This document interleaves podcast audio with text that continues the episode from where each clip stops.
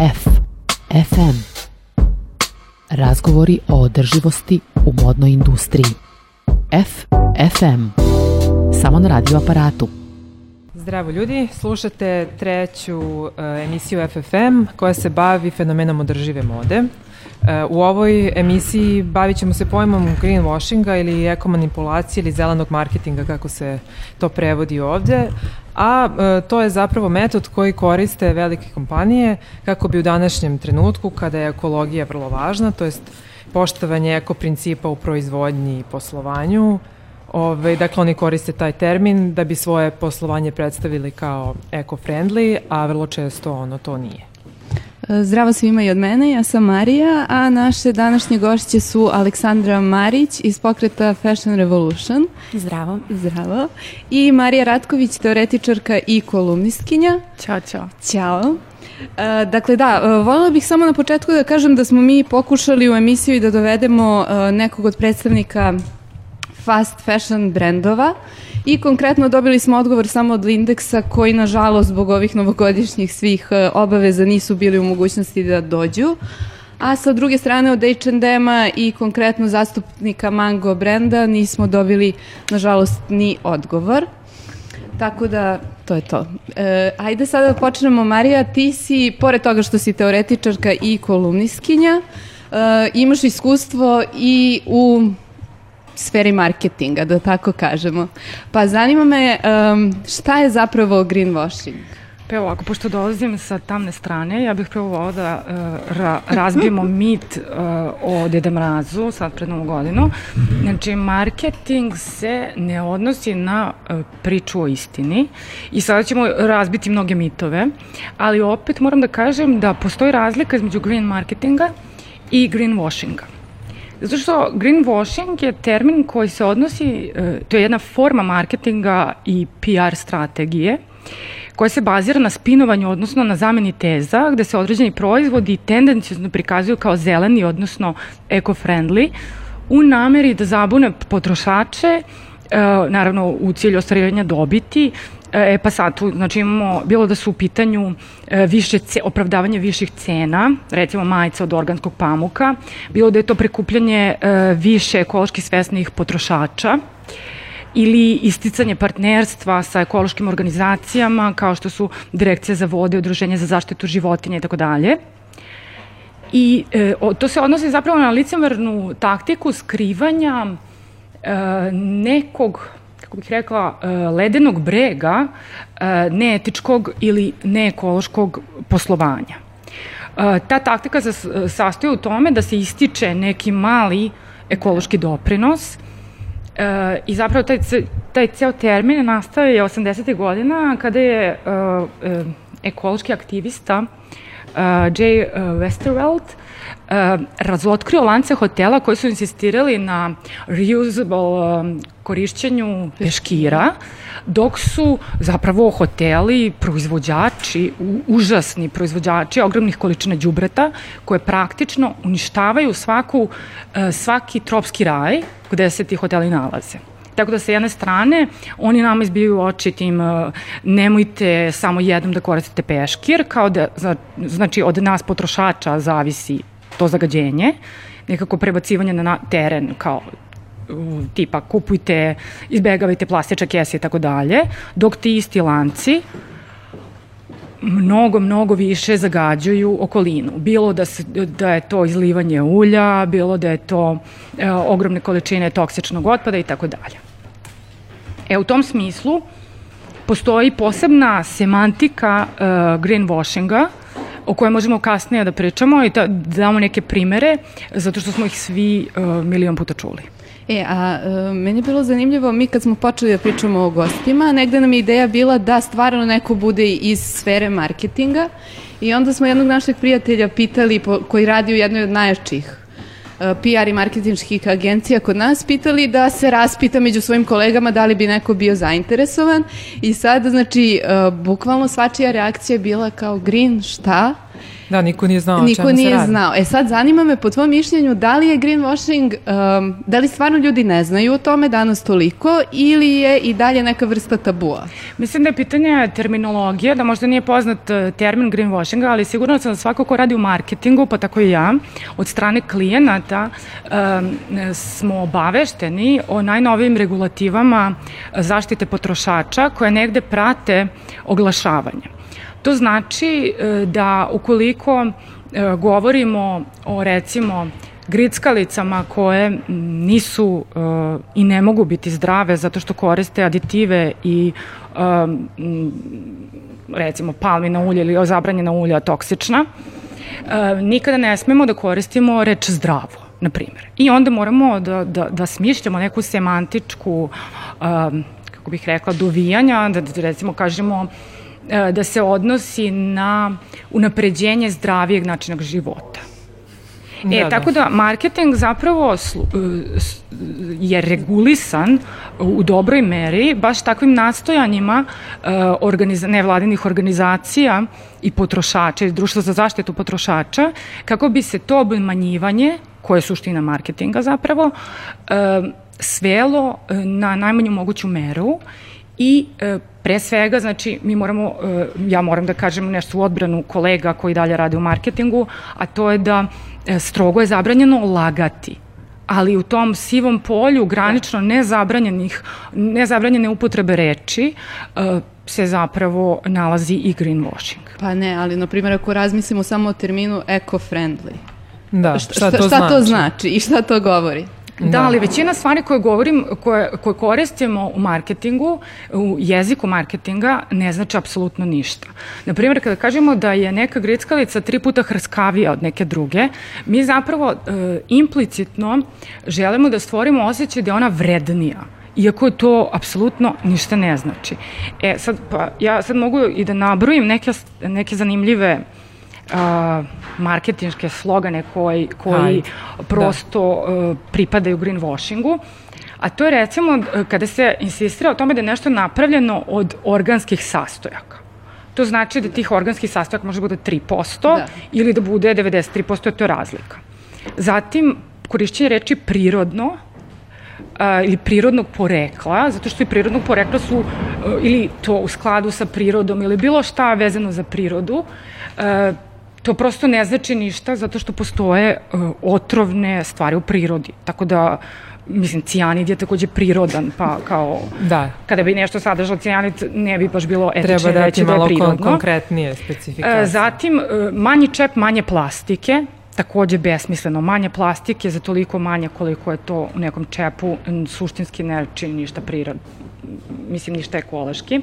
Zatim, e, popularni e, slogan 100% organsko, to je isto somnabulno zato što ne postoje stvari kao što su 50% organsko ili 3%. 99%. Tako je, da, organsko, 90% organsko, e, zato što organsko se, treba da se odnosi samo na ono što e, sadrži sertifikat i zato su između ostalog ti sertifikati i e, donešeni. Zatim, to su sve one gluten free i vegan na proizvodima koji inače ne bi ni smeli da sadrže gluten ili namirnice životinskog porekla, kao što su, na primjer, šamponi i tako dalje. E, Zatim, korišćenje zelene boje, po tome je poznat McDonald's, koji je samo odjednom promenio žuto-crvenu u zelenu boju, ali ništa nije promenio ni u kom smislu i to U se negde... da. Da, implicitno nagoveštava da su oni napravili zaokret, a zapravo nisu. Ništa nisu radili, da. Zatim, e, to sam pronašla jedan super primer e, kada su reklamirali nuklearnu energiju kao najveći izvor čiste e, vazdušne energije u smislu kao air energy da zaista nuklearne elektrane ne zagađuju vazduh, ali zagađuju tlo i zdravstvene posledice imaju ljudi koji rade u kontaktu sa radioaktivnim materijama koje su neophodne u nuklear, stvaranju nuklearne energije. Zatim, E, tu samo da vidim, naravno bez hemije, to je jedna apsolutna laž, zato što sve sadrži hemiju i voda je na neki način hemijski, ovaj, hemijsko jedinjenje. Zatim dermatološki testirano, to takođe ništa ne znači, zato što sve može da se dermatološki testira, Testira, da. i ne postoje univerzalni dermatološki testovi uh, koje nešto treba da prođe ili ne. Zatim tu su i sve vrste nečega što je holističko, a nešto što se odnosi na čakre, biodinamično, e, reiki, teta i sve ostalo. To je sve negde e, neko sivo polje nečega što je potpuno nedokazivo. To je, dakle, ta leksička gimnastika koja mi pribegavamo da, da neku grupu potrošača opredelimo za sobstveni proizvod. To je kao kad bi neko rekao da su određene spajalice veganske, Mislim, to je istovremeno tačno, istovremeno potpuno irelevantno. e, da, isto to kao ti procenti, 10% čistije lice u odnosu na šta. E, takođe zdravo, to sam već rekla, e, korišćenje reči zdravo je zabra, strogo zabranjeno u određenim industrijama čak, e, ali je zato za, zdravo zamenjeno rečima lako, light ili zdraviji način života, koje još uvek nisu regulisane. I to je to, mislim... Pa zapravo kad sad sve tako nabrojiš, shvatit ćemo da smo to. okruženi sa svih strana takvim reklamama. Pa da, reklamama. ono, živimo u laži, a zanimljivost uh, posla u marketingu, koju ja ne mogu reći da ne volim, jeste prodati neki proizvod, a istovremeno truditi se da, uh, truditi se da budeš etična i truditi se da ne lažeš i da grubo i da se u okviru tih um, smernica ko, krećeš i mislim da to pravi izazov i da, da je zapravo pitanje uh, i inteligencije. Pa to sam baš htjela ja da kažem, ovaj, potrošači vrlo lako mogu da provere sve ovo što si ti rekla, na primjer pogotovo u prehrambenoj ili kozmetičkoj industriji svi sastojci moraju da budu ovaj, navedeni na poleđini da. ovaj, i u nekim slučajevima se dešava da vlast reaguje, ne znam, ja sam pročitala to što si ti rekla za zdravo, da, i pročitala sam, na primjer, da u američkoj državi Kalifornija su zabranjene biorazgradive kese, jer e, niko nije napisao koliko vremena je potrebno da se one zapravo razgrade. To može da, da bude... Da, to je pitanje kod recikliranja i kod velike, velike kontroverze oko uh, tetrapak pakovanja, da. zato što je zabranjeno reklamirati to pakovanje kao ekološko u odnosu na uh, flaše u uslovima kada nije obezbeđeno e, recikliranje mm -hmm. i ne postoje pogon i ne postoji sistem recikliranja uh, tetrapak pakovanja. Da. Tako da to je jedno, kako bih rekla, polje pregovora i u tom polju pregovora se neke snalaze bolje i neke loše i osim te ideje Deda Mrazu koji, koji ne postoji, ja bih htjela da razbijem još jednu veliku, još jedan disclaimer, da kažem da ne postoje uh, E, masovni brendovi koji su potpuno etični, zato što to nije moguće. Da, Tako da, da mi kada spominjamo neke određene brendove, mi uvek govorimo o tome kad su oni prešli granicu od green marketinga do greenwashinga, dakle. kada je taj balans e, narušen u korist kompanije, a na štetu potrošača. Da. Um, ja sam negde takođe naišla na podatak, podatak da danas, um, jeli, usled situacije koja se dešava u svetu i kod nas, prosto ekološke situacije, um, potrošači masovno govore kako um, bi radije kupili neki ekološki osvećen ili održiv brend u odnosu na ove koji to nisu. Međutim, zapravo to ne rade. Dakle, ne informišu se, ne čitaju te etikete, um, čini mi se da uopšte ne shvataju šta oni kao pojedinci imaju od toga što kupuju nešto što je održivo ili um, eko, zapravo. Zašto je to tako? Zašto, zašto potrošače zapravo ne interesuje? Pa mislim da cijela industrija profitira na tome što e, potrošači nisu dovoljno osvešćeni. Sa, recimo, samo na nečitanju etiketa proda se gomila đubreta, Ma da. E, gde su oni čak i obavezni da napišu na deklaraciji šta se stoji. Znači, tu su uglavnom one priče kao sadrži manja šećera. Mislim, mm. ili sadrži šećer ili ne sadrži, mislim. I u tom smislu sad najbolje bi bilo kada bi svi bili jako svesni i čitali m, etikete, zatim čitali to gde su njihovi proizvodi, gde, gde su njihovi gde je njihova odeća proizvedena, ko, ko je proizvodi i povezali uh, tu užu i širu sliku u smislu kako tačno kupovina nekog pro, neke jeftine majice, na primer, nas mnogo skuplje košta negde drugde. Ali e, moram da kažem takođe kao, kao, kao levičarka da mi možemo da govorimo o tom izboru tek na nekoj granici kada se pređe granica uh, osnovne egzistencije, zato što takođe mnogi brendovi uh, profitiraju od masovne proizvodnje, zato što su oni u poziciji uh, da spuste cene do, do te mere da su oni priuštiviji nego neki drugi. I onda kada, kada nemamo taj elementarni uh, finansijski, iz, finansijski izbor, mi onda prosto ne možemo govoriti o tim nekim višim društvenim vrednostima kao što, kao što je etika. Znači, prvo da jedemo, onda da filozofiramo. Aleksandra, zanima me kada zapravo greenwashing postaje toliko, zapravo postaje fenomen u modnoj industriji? Uh, greenwashing trend, da kažem, je postao aktualan nakon tragedije koja se desila u Rana Plazi kada je 4000 ljudi uh, povređeno i poginulo, uh, tada je nastao i sam pokret Fashion Revolution koji je sada prerastao u najveći modni pokret na svetu i baš uh, propagira i podržava, da kažem, održivo, transparentno i, etičko poslovanje. Oh, znači, ohrabruje firme da se da is, ispravno posluju. Rana Plaza se, katastrofa se desila 2013. godine, krajem aprila 2013 2013. godine i to je, e, prosto ta vest je odjeknula kao petarda onako širom sveta.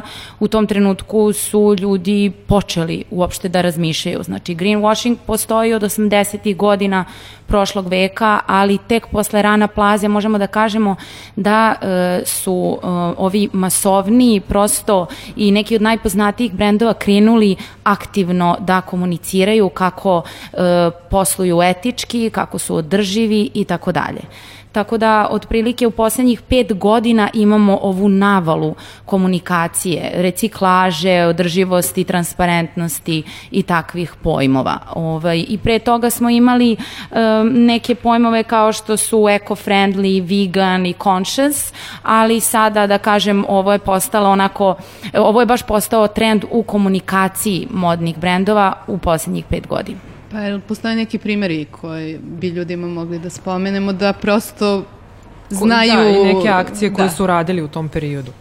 U poslednjih pet godina, da, tako? Da. Pa, uh, brend koji svima nama najviše bode oči i na koji svi prvi prosto pomislimo uh, je H&M, samo zato što oni toliko ovaj, komuniciraju i pričaju o toj održivosti. Uh, u svoju conscious kolekciju i uz program reciklaže odeće, praktično svi konzumenti koji odeće koji idu u H&M su do sada znači već čuli za to da su oni održiv brend. Međutim, mnogi stručnjaci veruju da je ovo jednostavno onako najprostiji primer greenwashinga koji možemo danas da vidimo u modnoj industriji, zato što e, prvo kako bismo objasnili o čemu se radi, treba da pojasnimo da kompanija kao što je H&M svaki dan na tržište izbaci, to jest proizvede e, toliko tona odeće da to ne može praktično ni da se poredi sa onom količinom odeće koja se reciklira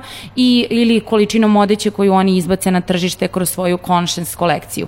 Neki kažu da to nije ni 1%. Da, ja sam našla na podatke da je to oko 1. Da, da je po, svakako porasla, porastao taj postotak reciklaža od tipa 0,2 do možda 0,8. Da. A šta se dešava sa ostatkom te garderobe? Pa, e, meni je, na primjer, žao što sad neko nije iz H&M-a tu da, da odgovori na ovo pitanje, jer ja sam našla na neke podatke koje ne znam i da li da iznesem ovde, ne znam koliko su prosto tačni. Istine. Da, e, mislim, čula sam ono da, ih, da to posle preprodaju u, u second hand radnjama, da šalju u Afriku gde se spaljuje, to se čini mi se vidi u ovom dokumentarcu kako se zove, beše... The True Cost. The True Cost, da. Jeste, ta odeća, odeća koja se reciklira i prvo moramo da objasnimo da je jako skupo reciklirati odeću. O, e, centri za reciklažu odeće, prvo za razvrstavanje poliamida, polijestera, e, čiste odeće u smislu pamuk, vuna i tako dalje, a uglavnom je sada sve neki miks materijala.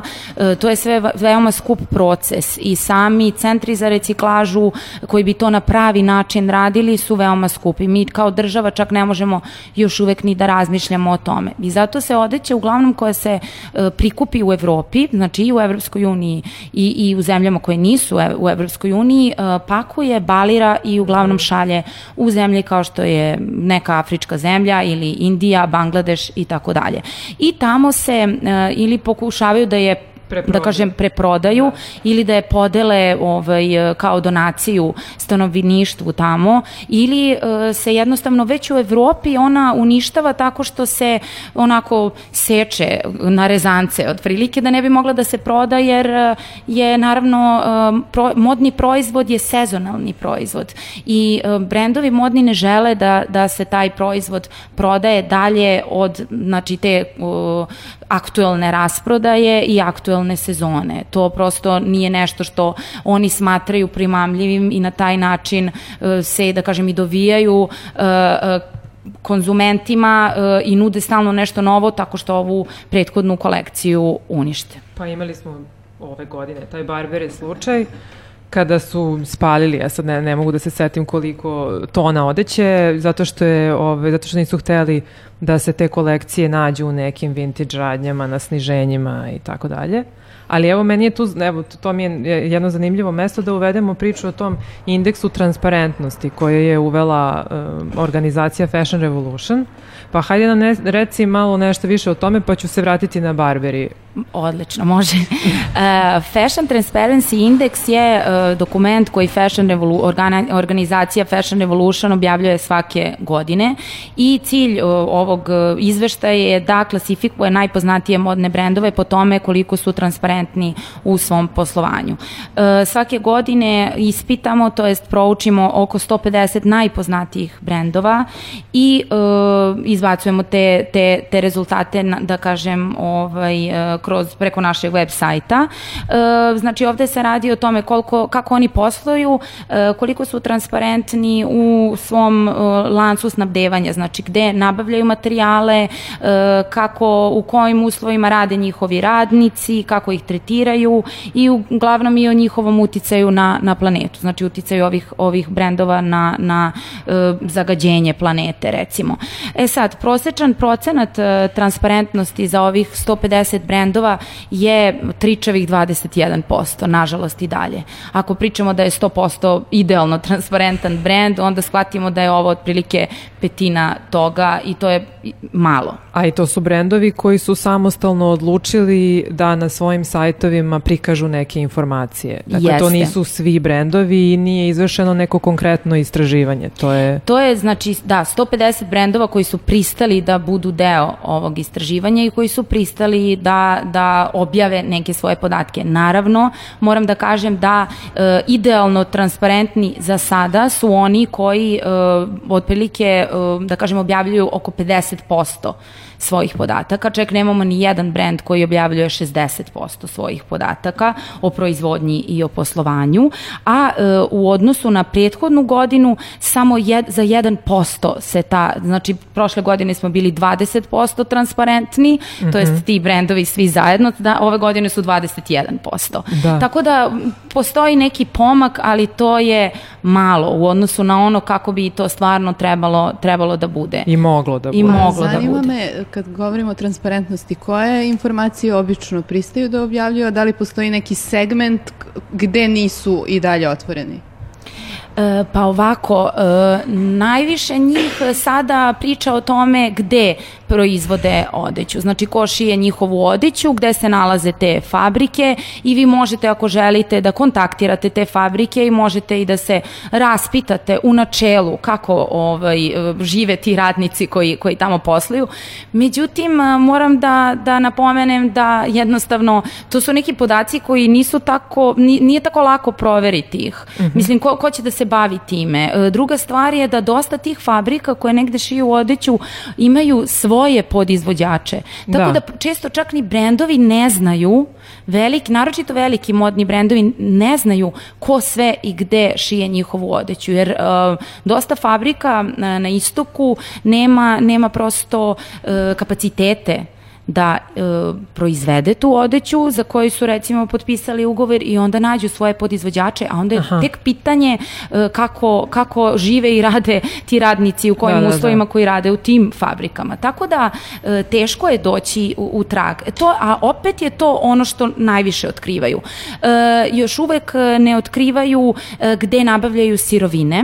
Mhm. Uh -huh kako se uzgajaju te sirovine. Aha. Imamo i recimo interesantan podatak kada pričamo o greenwashingu i kad smo spomenuli H&M, da je H&M najveći kupac organskog pamuka na svetu.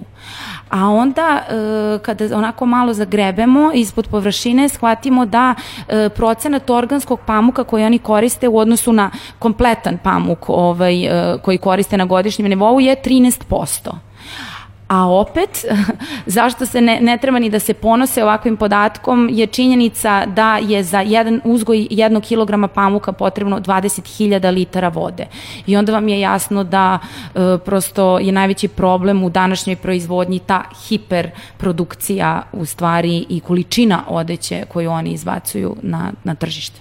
Um, mislim da je negde važno da se kaže, eto kad pričamo o toj transparentnosti, da zapravo taj indeks transparentnosti govori da koliko neki brendovi recimo transparentno posluju, ali to što transparentno posluju ne znači da posluju etički ili ekološki. Jeste.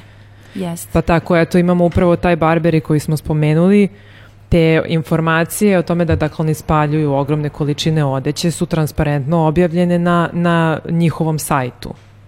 Pa da, oni su to i rekli. Ovaj, u stvari ta vest je i potekla sa njihovog sajta. To nije da. neki novinar otkrio onako kao neku pikanteriju. E, to je bilo nešto što je već dugo prećutna tajna ovaj, i način poslovanja u modnoj industriji. Čak evo ispostavilo se i kod luksuznih brendova. Na, baš specijalno oni u stvari i uništavaju najviše odeće zato što luksuzni brendovi moraju da zadrže taj imidž o ekskluzivnosti i to e, ne mogu nikako drugačije drugačije da urade, makar oni tako veruju, osim da prethodnu kolekciju uh, jednostavno unište. Zato što ako je ta kolekcija u opticaju, oni ne mogu ovu novu da prodaju po određenoj ceni po kojoj žele. Uh, u suma koju su, uh, da kažem, uništili uh, je 37,6 miliona, u vrednosti od 37,6 miliona dolara, što je ogromna cifra, ali onda je izašao podatak da je Barberi u poslednjih pet godina uništio više od 100 miliona dolara vrednosti odeće. Ali meni koliko se čini Barberi ne, ne insistira na tim svojim eko prednostima ne, ne, ili e, karakteristikama. Nije mi to bila poenta, nego e, ja sam, na primjer, kada sam ovaj, čula za Fashion Revolution Transparency Index, pomislila da, da prosto brendovi koji imaju visok nivo transparentnosti posluju e, bolje od ovih koji to ne objavljuju što nije slučaj. Pa nije, ovo je neka da. vrsta društvene odgovornosti, da tako kažemo, a ovo je više ekološke. Da, ali ja, ja ne želim sad da uskačem sa još jednim e, Deda Mraz ne postoji momentom, ali istorija mode je zapravo istorija eksploatacije. Yes. E, bilo da se to odnosi na eksploataciju resursa, e, bilo da se odnosi na eksploataciju ljudi, a e, k tome i e, reprodukovanje sad moram reći, ne, glupo je reći ne, neokolonijalnih odnosa, jer kolonijalni odnosi nikada nisu prestali. Tako da mi imamo e, e, tu priču o sirovinama koje po pravilu uvek dolaze iz najsiromašnijih zemalja, koje obrađuju najsiromašniji ljudi, e, koji prosto nemaju izbora da li će gajiti e, GMO pamuk ili ne, non-GMO pamuk, dok im neko subvencijama ne omogući da taj izbor bude fair. Uh, druga stvar uh, koju sam htjela da pomenem, a koja mislim da je jako bitna kada govorimo o etičnosti mode, da, pogotovo vezano za priču o nesreće fa, u fabrici, ja moram da napomenem to podsjećanje da, je, da su žene izborile pravo glasa neodvojivo od nesreća u tekstilnim fabrikama gde su mnogo žena poginulo u požarima i tada se prvi put uh, pomenulo pitanje neograničenog radnog vremena za žene i za decu mm -hmm. i k tome i svi ostali uh, uslovi rada i tako dalje i uopšte poboljšanje ženja. Tako da um, smatram da uh, koliko god ti pomaci bili mali, oni zapravo na, u široj slici e, vode do nekog, e, kako bih rekla, istorijskih pomaknuća, e, tako da smatram da će i e, ta ideja o održivijoj modi e, promeniti e, način na koji doživljavamo svet. I u tom smislu vola bi da iznesem jedno dosta nepopularno stanovište, a to je da je greenwashing e, zapravo koristan sa jedne strane, zato što on može da utiče na razvoj e, realne svesti kod svakog od potrošača. Jer bez obzira na to što je to marketing strategija i najčešće strategija e, prevare potrošača, potrošači imaju mogućnost da mnogo više razmišljaju o ekologiji e, kada su sa svih strana bombardovani zelenim natpisima i pričom o tome, jer prosto mi ne možemo očekivati od velikih korporacija da se bore za ciljeve koji su u suprotnosti sa njihovim osnovnim ciljem, a to je ostvarivanje pro profita. Oni ne mogu sami prirodno doći do toga, to dolazi isključivo kao neka vrsta prinude. A prinuda mora krenuti od onoga ko ima direktan interes od promene sta, e, statusa quo. E, u tom smislu, e, ja bih htjela da kažem još jednu vrstu greenwashinga koju sam zaboravila, a to je marketing strategija pri kojoj se državne prinude i regulacije reklamiraju kao samosvesna odluka o promeni kursa poslovanja, poslovanja. kompanije. Da. da, tako da marketing će uvek se truditi da predstavi stvari u najbolj, da predstavi svog klijenta u najboljem svetlu, e, čak i ako je to samo e, jedna gladna porodica koja je nahranjena, To da, će da. uvek biti headline bilo kog PR uh, nastupa i to je nešto što mi treba da razumemo. Marketing je ograničen zakonima na koje mi imamo šansu da utičemo. E, mi imamo šansu kao potrošači e, da, e, da menjamo e, poslovanje firmi, da menjamo njihovu komunikaciju, da se bunimo protiv onoga što nas dovodi u zabludu. I u tom smislu smatram da su sve, e, e, kako bih rekla, counter greenwashing inicijative jako bitne, čak i Greenpeace poznat po, po, po svojim kampanjama mhm. -huh. protiv greenwashinga, gde se razo, razotkriva medijski. E, to, ta borba je jako teška zato što su protivnici e, e, kompanije koje imaju simboličku i e, e, finansijsku i svaku drugu moć i ne plaše se da je upotrebe. Prosto to je, to je naša stvarnost, ali sa druge strane i u tim kompanijama rade ljudi Da, to je i e, nama je svima, znači taj, ta ideja o e, e, ekologiji i zdravim životu i obnovljivim resursima e, je e, u interesu celog čovečanstva. To jeste, ali e, hoću da se nadovežem na to, ja i dalje sama sa sobom nisam raščistila šta tačno mislim, da li da li je to dobro baš i taj čisto, ta prisutnost teme u medijima, jer sa jedne strane mislim Brenda ko hoće da bude društveno i ekološki osvešćen, on to može da uradi. I eto, na primjer, jedna stvar kako prepoznati greenwashing. Ukoliko je aktivnost brenda i takođe usmerena ka sticanju profita, kao što je ta zelena kolekcija H&M-a, mislim, to je vrlo onako očigledno greenwashing. Jer da hoće, mnogo veći utica i efekat društveni bi imalo da povećaju nadnice radnicima, gde isto sfera greenwashinga prisutna. Da, ali mi ne možemo govoriti sad osute paljba po mnogim brendovima za koje znamo, koji su pokušali i sad kao i znaju za taj trend uh, green marketinga, pa sad kao nešto pokušavaju da uhvate korak, jer uh, ono što je realnost u Srbiji, ja stalno moram da vratim tu, tu priču u Srbiju. Znači da većina ljudi zapravo ne kupuje u H&M-u, nego kupuje tipa u malim prodavnicama uh, robu koja je obično švercovana iz Turske, znači o kojoj nemamo apsolutno nikakav Uvijek kako kad krenu sniženja, to je bukvalno tuča po radnju. da, ne, ne, apsolutno da, ali hoću da kažem da ono što je dominantno u Srbiji, znači ne, ne govorim samo o Beogradu, H&M ne postoji yes. u svakom malom gradu. Dobro, to da. I, e, I dalje najveći broj najveći broj uh, komada odeće koji su dostupni svakome u ovoj zemlji su apsolutno netransparentni i apsolutno neekološki. I onda mi sad, ja smatram da je jako bitno da mi e, kritikujemo e, one koji su masovni proizvođači, da bi oni, pošto imaju resurse, bili bolji i odgovorniji. Jest, jest. I da vršimo pritisak na njih na bilo koji način. Ali takođe, mi moramo da shvatimo šta je naša realnost i kako se oblače, kako se oblače ljudi u, u, u srednjoj Srbiji, kako se oblače u uh, afričkim zemljama koje smo pominjali, gde se oni oblače i sad da li mi možemo da apelujemo? Mislim, uh, ja zaista moram da kažem da je cijela priča o s, uh, svesnosti etičkoj priča uh, bele srednje klase. Jeste. Zato Ali s druge strane, oni su i najveći kupci. Pa da i mi, mislim, Bela srednja klasa će biti nosioc revolucije, realno uh, tako mora. Uh, meni, je, meni je žao što su oni koji su obespravljeni, toliko obespravljeni, da, da, da se njihov glas. glas apsolutno ne čuje. Da.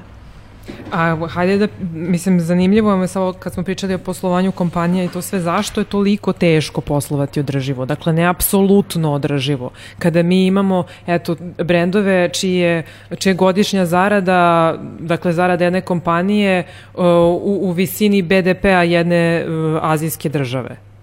Zašto oni ne mogu da... Ja bih samo odgovorila kratkim pitanjem, a to je zašto bi?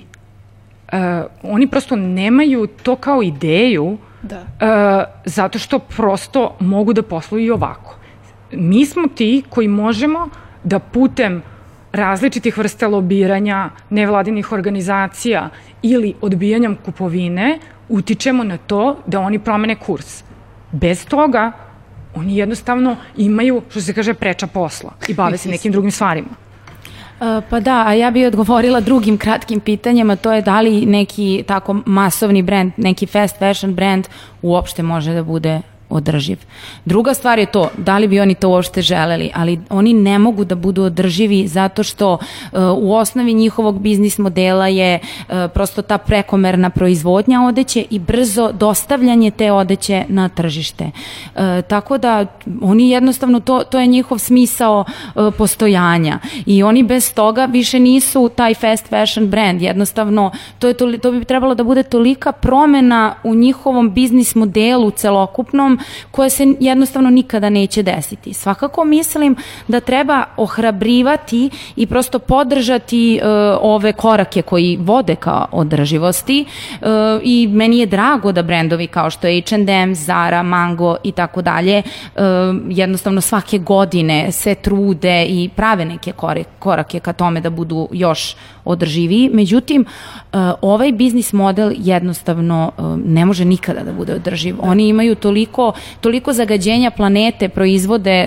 svakog dana, toliko transportnih vozila njihovih je svakog trenutka u pokretu da mi ne možemo da pričamo uopšte o tome da, da li oni mogu da budu održivi ili ne.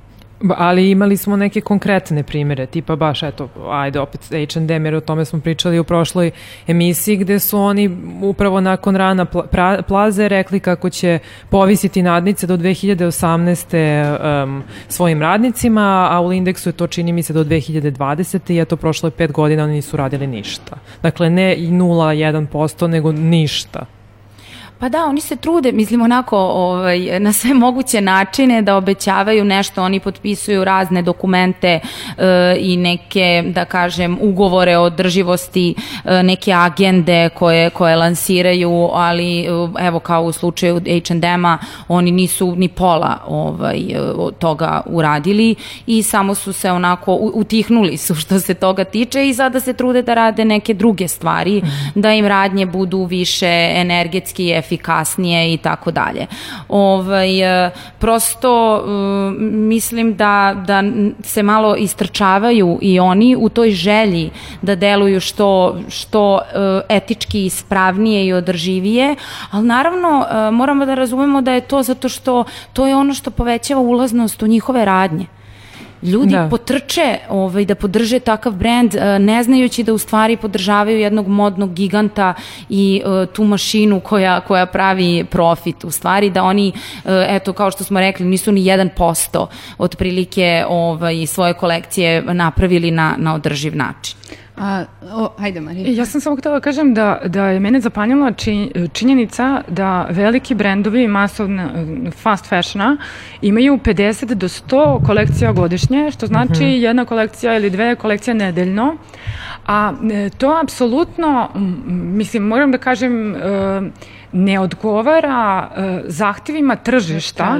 To tržište je hipertrofirano. E, Dakle, e, ponuda je mnogo veća od tražnje, je, samo što smo mi kao potrošači nekako razmaženi i e, mi volimo da biramo tu sad mnogo, mi, mi ćemo možda kupiti sve svega desetak, 20 komada u toku godine. Mislim, mi ne, ne govorimo o toj nekoj hipertrofiranom kon- konzumerističkom društvu, mi ipak kupujemo mnogo manje od toga što se proizvodi, a ta, taj, e, to, ta proizvodnja nama zapravo treba da stvori neku dodatnu vrednost e, ta mogućnost izbora, zato što je to jedna od osnovnih um, postulata kapitalizma, a to je taj moment ja zaslužujem bolje, ja zaslužujem i, i, i uh, ja se neću zadovoljiti manjim od najboljeg. I onda ću ja da biram satima uh, jednu, recimo, šljokičastu suknju, uh, od njih 50 uh, i jednostavno svi znamo da će veći deo tih šljokičastih su, suknji završiti na nekom đubrištu uh, Srednje Azije ili neke zemlje u razvoju, kako se to popularno kaže, a to su zemlje koje služe kao deponije um, kako bih rekla, zemalja prvog sveta. Da, ovaj, ali s druge strane, eto, mi kad smo sad radile ovih, ovih prošlih par emisija, čini mi se s ti Marija našla podatak da je svakako u, u pravu si ti, da, e, svakako se ne, ne kupi sve što se proizve, proizvede, ali um, sama, sam nivo kupovine od 80-ih porastao za čak 400%. Apsolutno, E, da. dakle, uh, marketing Mislim, je tu imao... E, a to samo treba uporediti sa podacima koliko je proizvodnja povećana, zato što mislim da je proizvodnja povećana Još zna.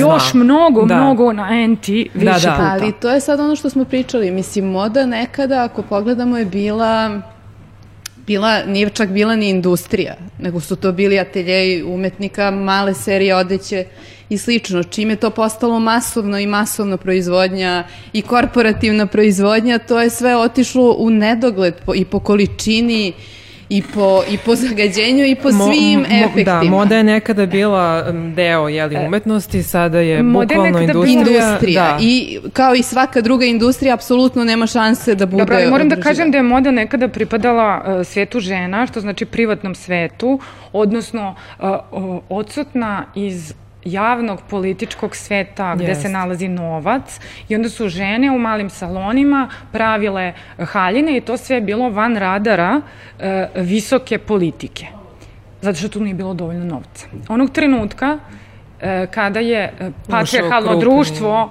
ovaj, shvatilo svoj e, veliki uh, interes u toj priči napravljena je prava industrija od modne, znači od nekadašnje tekstilne uh, stvorena je modna industrija zapravo koja operiše našim najsubtilnijim željama i onim čuvenim uh, marketinškim kako sebe za, zaista vidimo. Uh, da li sam dovoljno snažna žena za ovaj brend ili sam subtilna i nežna za ovaj drugi brend.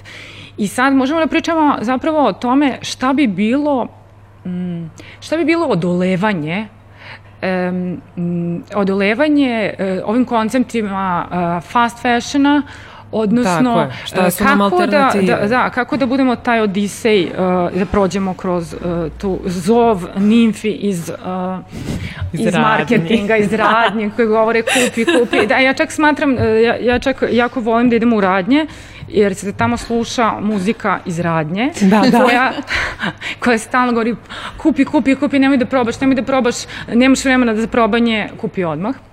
Dobro, koje su nam alternative?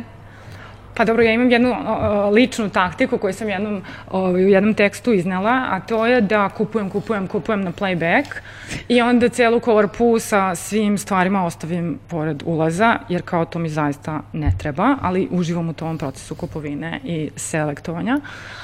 Ali um, ono što sam pronašla u literaturi je zanimljiva ta ideja o m, kupovini second hand robe, kao dovoljno vredne e, i kao, e, kao reuse taktike, znači ponovne upotrebe. Tako da se, ja, ja jako odobravam sve berze razmene odeće, e, sve vrste second hand shopova, e, pogotovo e, te garderobe koja je prošla ceo krug od prvog do trećeg sveta. Ali znaš ti koliko puta sam ja čula, evo baš sada dok smo, kako smo krenuli da se bavimo ovom temom, uh, nikada ne bi nosio ili nosila odeću koju je već neko imao na sebi, to nosi lošu energiju sa sobom i tako te neke stvari. Ovaj. Tako pa da, verujem, to... verujem, da, zato što je to isto, isto mi smo jako, jako žrtve tih subliminalnih poruka koje dobijamo o tome kako je taj komad, odeć, taj komad odeće će nas učiniti boljom osobom i zapravo de, pokazati da iskažemo svoje pravo ja i e, k tome da je on zapravo tailor-made samo za nas, iako ih, iako ih ima mnogo. Da.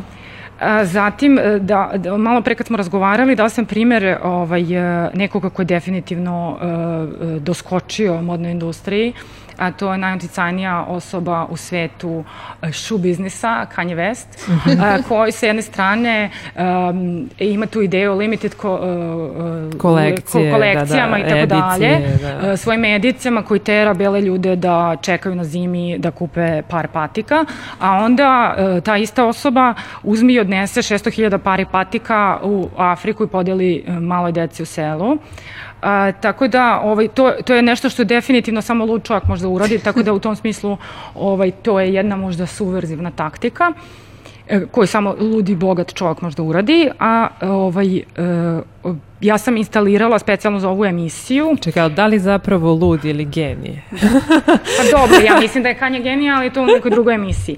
Uh, Good on You je aplikacija da. koja pruža smart i, i ethical uh, alternative brendu koji poželimo.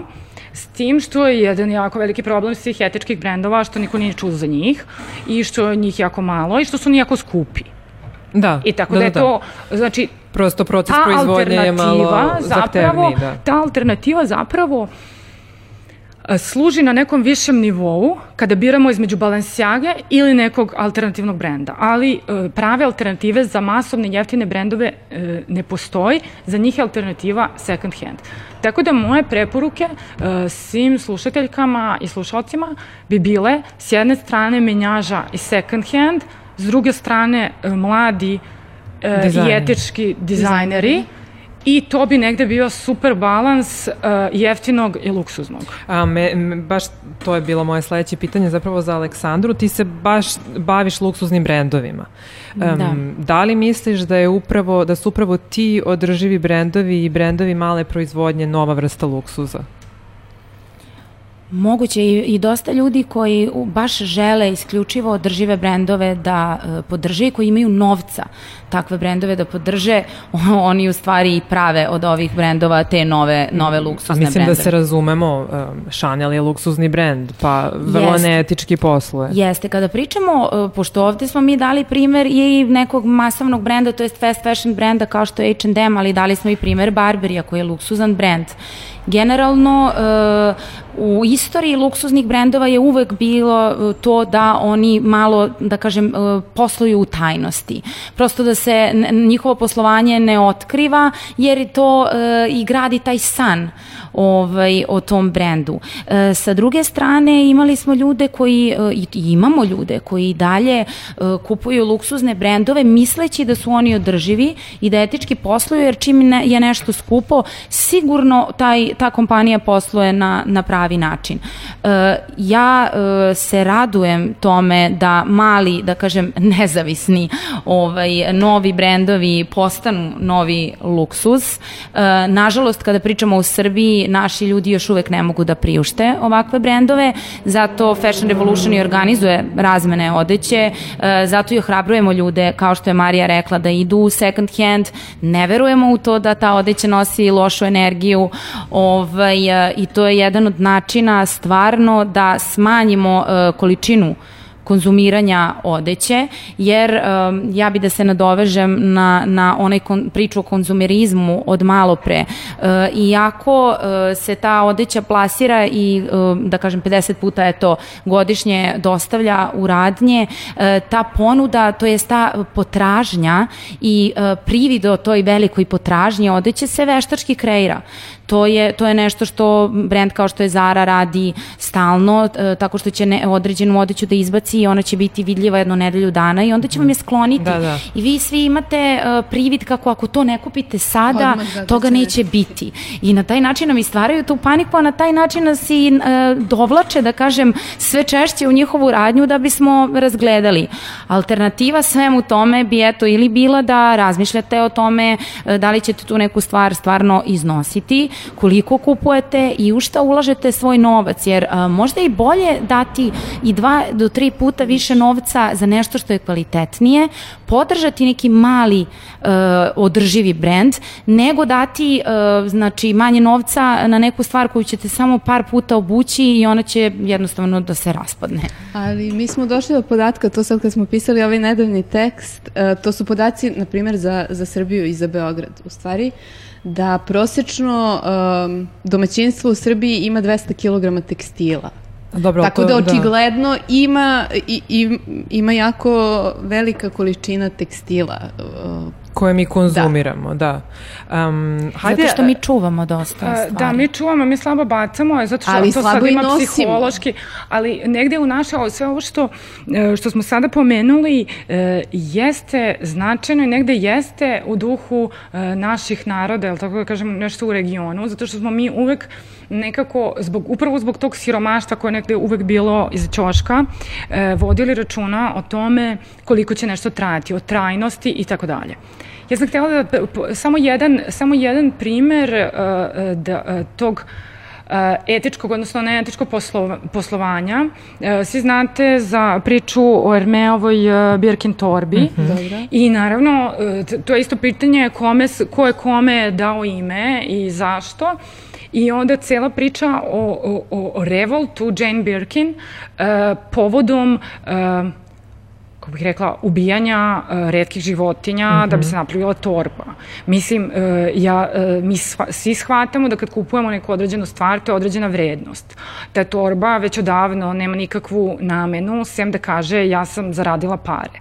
Takođe, u priči o toj torbi je cela skrivena priča rasizma, Uh, i toga ko se može posjedovati i ko ne može, tako mm -hmm. da mhm. na azijskom tržištu te torbe dostižu nenormalnu vrednost. Uh, I sad, e, to je jednostavno priča o modi u malom, na, samo prim, na primjeru samo jedne, jedne, torbe, jedne da, torbe. Da, i negde mi e, treba da insistiramo na tome e, da da, da se stvari promene.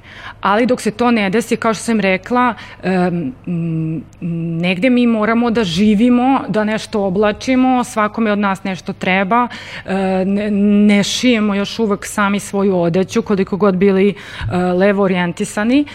I ovaj, e, ja u tom smislu, meni borba protiv, ja, meni negde ni, ta masovna proizvodnja nikad nije bila uh, nešto omiljeno I tako da u tom smislu krojači su kod nas još uvek jeftini. Da. Uh, custom made uh, odeća koja je u bilo gde u inostranstvu ekstremno skupa, znači odeća, proizvodi od kože i tako dalje, kod nas su još uvek dostupniji. Tako da ono što je moja poruka je ne kupujte brand, kupujte konkretne stvari i to stvari koje vam zaista trebaju. Tako je. I koji će i duže trajati.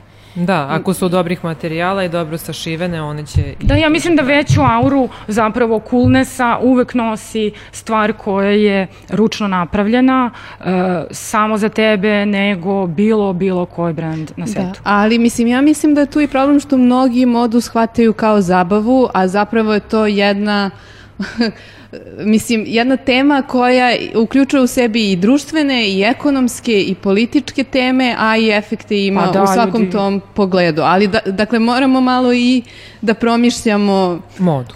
I društvo. Da, modu, to je društvo kroz modu. Tako. Pa je. na kraju krajeva i ako vam je zabavno da idete u shopping, ali i podržite nek, neki srpski brend, neki mali srpski Tako je. brend. Pa naši To domaći uglavnom- dizajneri da. jesu održive zapravo Jeste, linije. to su da, održive linije, ovaj, e, to jest mnogo su održivije nego fast fashion brendovi, daleko održivije i druga stvar je, e, vrlo su transparentni, jer ako pitate dizajnera ko je sašio ovaj, ovaj odevni predmet, verovatno bukvalno ime i prezime zna da vam kaže žene koja, koja ga je sašila, tako da negde ovaj, podržavate i našu ekonomiju i naše male brendove, a opet eto uživate u šopingu. Tako je. Ljudi, mi ćemo morati ovaj, da završimo. Eto, pričali smo je o, o, o temi e, o, o kojoj verovatno niko ništa ne zna, u stvari je sat vremena malo da se ovaj, o njoj priča. Hvala vam što ste bila naše gošće. Hvala vama, Hvala, devojke. hvala. Ove, sledeća emisija će biti za dve nedelje i bavit će se cirkularnom ekonomijom. Ćao! Ćao. Ćao. F. FM. Razgovori o održivosti u modnoj industriji. F. FM. Samo na radio aparatu.